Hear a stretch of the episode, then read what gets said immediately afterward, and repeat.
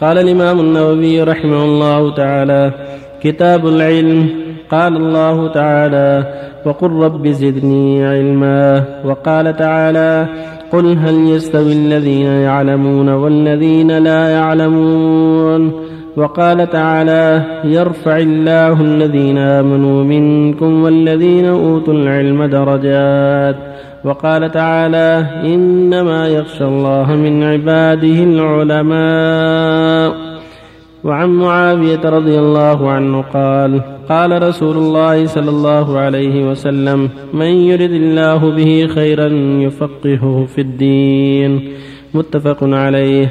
وعن ابن مسعود رضي الله عنه قال قال رسول الله صلى الله عليه وسلم لا حسد إلا في اثنتين. رجل آتاه الله مالا فسلطه على هلكته في الحق ورجل آتاه الله الحكمة فهو يقضي بها ويعلمها. متفق عليه.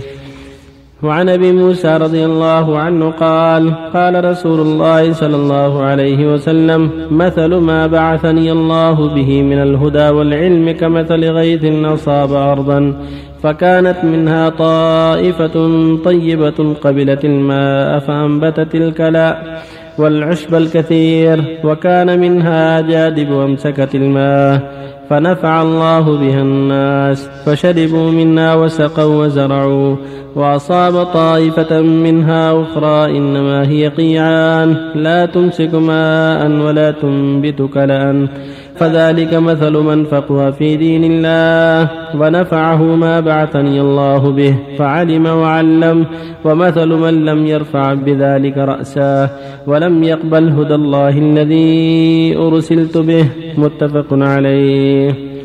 بالله التوفيق صلى الله عليه وسلم. الحمد لله وصلى الله وسلم على رسول الله وعلى آله وأصحابه ومن اهتدى بهم أما بعد فهذه الآيات الكريمات والاحاديث ثلاثة في فضل العلم تدل على أن ينبغي لكل مؤمن وكل مؤمنة أن يهتم بالعلم وأن يطلبه لأن به يعرف الله وبه يعبد وبه تعلم الأحكام التي شرعها لعباده وبه يعلم ما نهى الله عنه.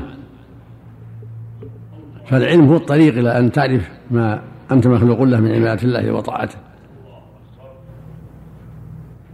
والعلم هو العلم بما قاله الله ورسوله في كتابه الكريم وعلى لسان رسوله الأمين. هذا هو العلم النافع. العلم بما دل عليه القرآن والسنة.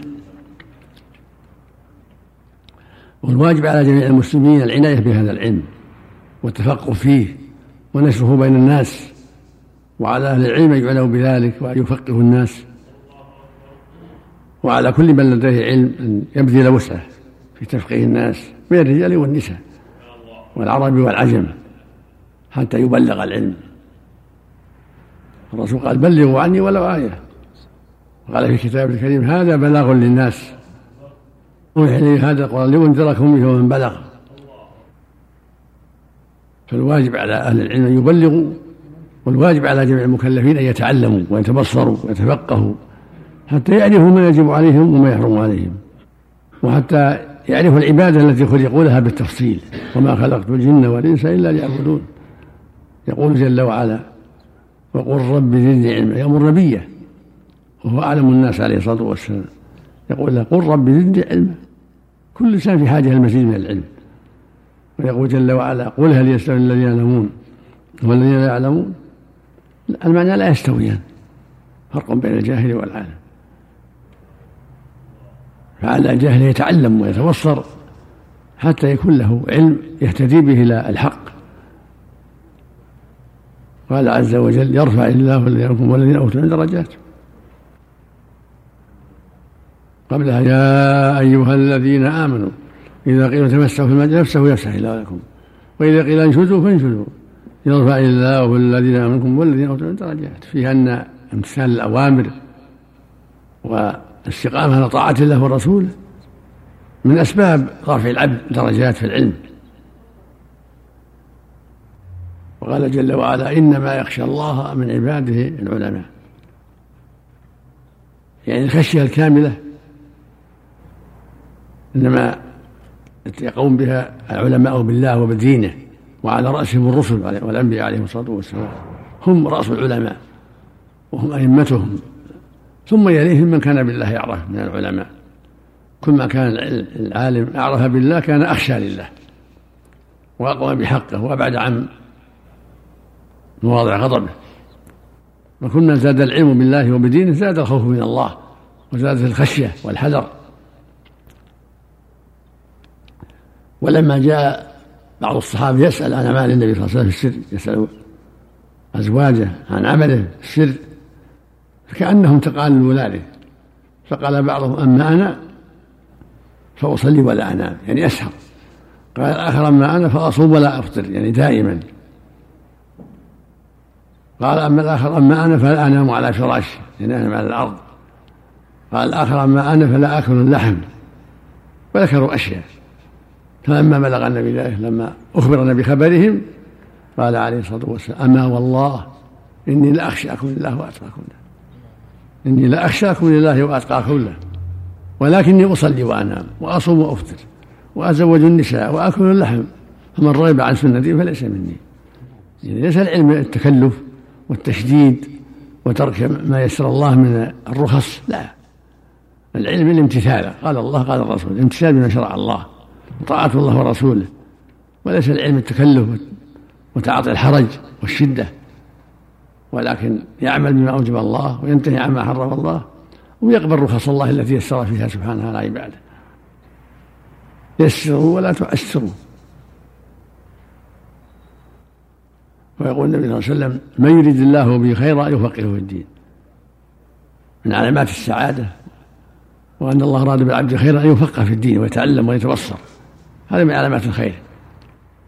ومن علامات الشر الإعراض والغفلة والجهل. نسأل الله السلامة. ويقول صلى الله عليه وسلم لا حسد يعني لا غبطة إلا في اثنتين. هذا حسد غبطة.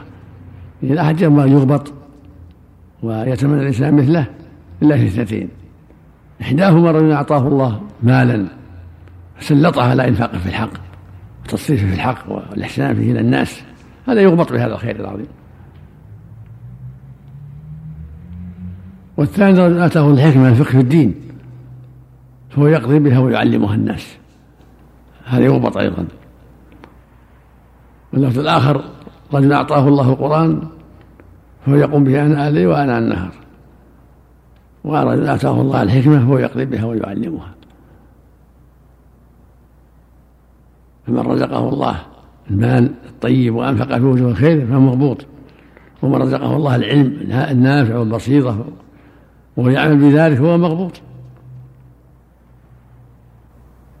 وفي الحديث الثاني يقول صلى الله عليه وسلم مثل ما بعثني الله به من الهدى والعلم كمثل غيث مطر أصاب أرضا فكانت منها طائفة طيبة قبلت الماء فأنبتت الكلى والعشب الكثير.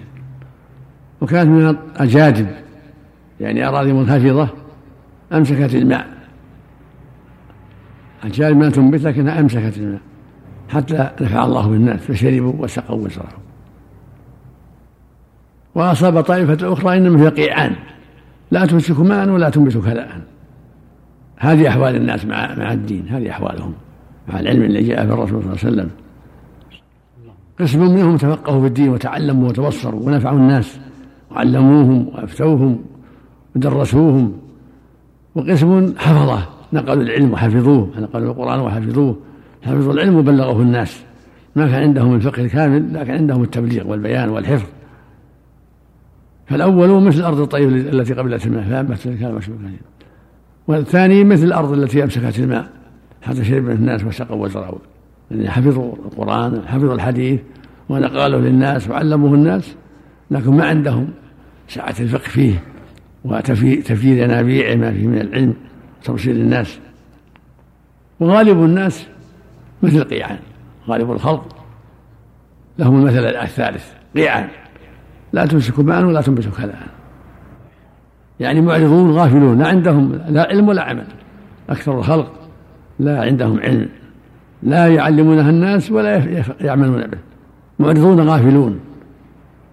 فلا علم ولا عمل كالقيعان التي لا تمسك ماء ولا تنبت كلاء نسأل الله السلام هذا مثل عظيم ضربه النبي صلى الله عليه وسلم المسلمين المتفقهين في الدين والعاملين به والمعرضين عنه.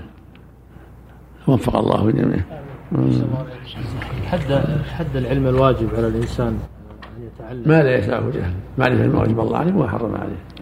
ما لا يسعه جهل. حديث طلب العلم فريضة على كل مسلم. لا بأس به. لا له طرق جيده أحسن الله إليك. آه، بعض أشرطة الدعاة مؤثرة. كانت سببا بهداية عدد كبير بعد سماعهم الشريط. هل يشترك بالأجر موزع الشريط ومحل التسجيلات مثل الدعاة؟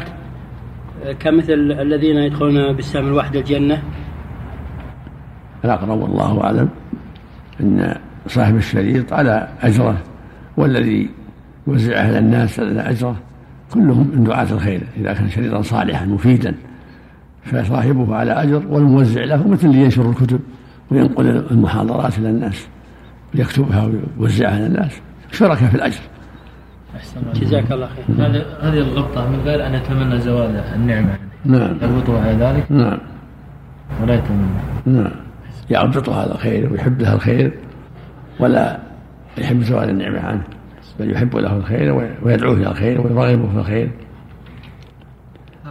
فهم مثل هذا يغبط ويدعى له بالتوفيق ولا يحسد. نعم. السلام عليكم. جزاك الله بالخير. طال عمرك سالتك أمس من العصر من الحجة اللي للحرمه حقتي. اللي انت اللي عندي. سمعت وأنا ما فسرت الآية هي معطيت ان الحجة هي تعطي الحجة. وأنا وهي عندي. سمعت؟ الحرمه اللي حاجزه من حالها. اللي أنا حجه عمل حجتها لها هي نفسها حاجزه من حالها وعمياء. سمعت. وأنا باخذها تصلح إذا أعطيك اياها لا باس لا لا باس ان اعطيتني إياها. لا باس جزاك الله خير.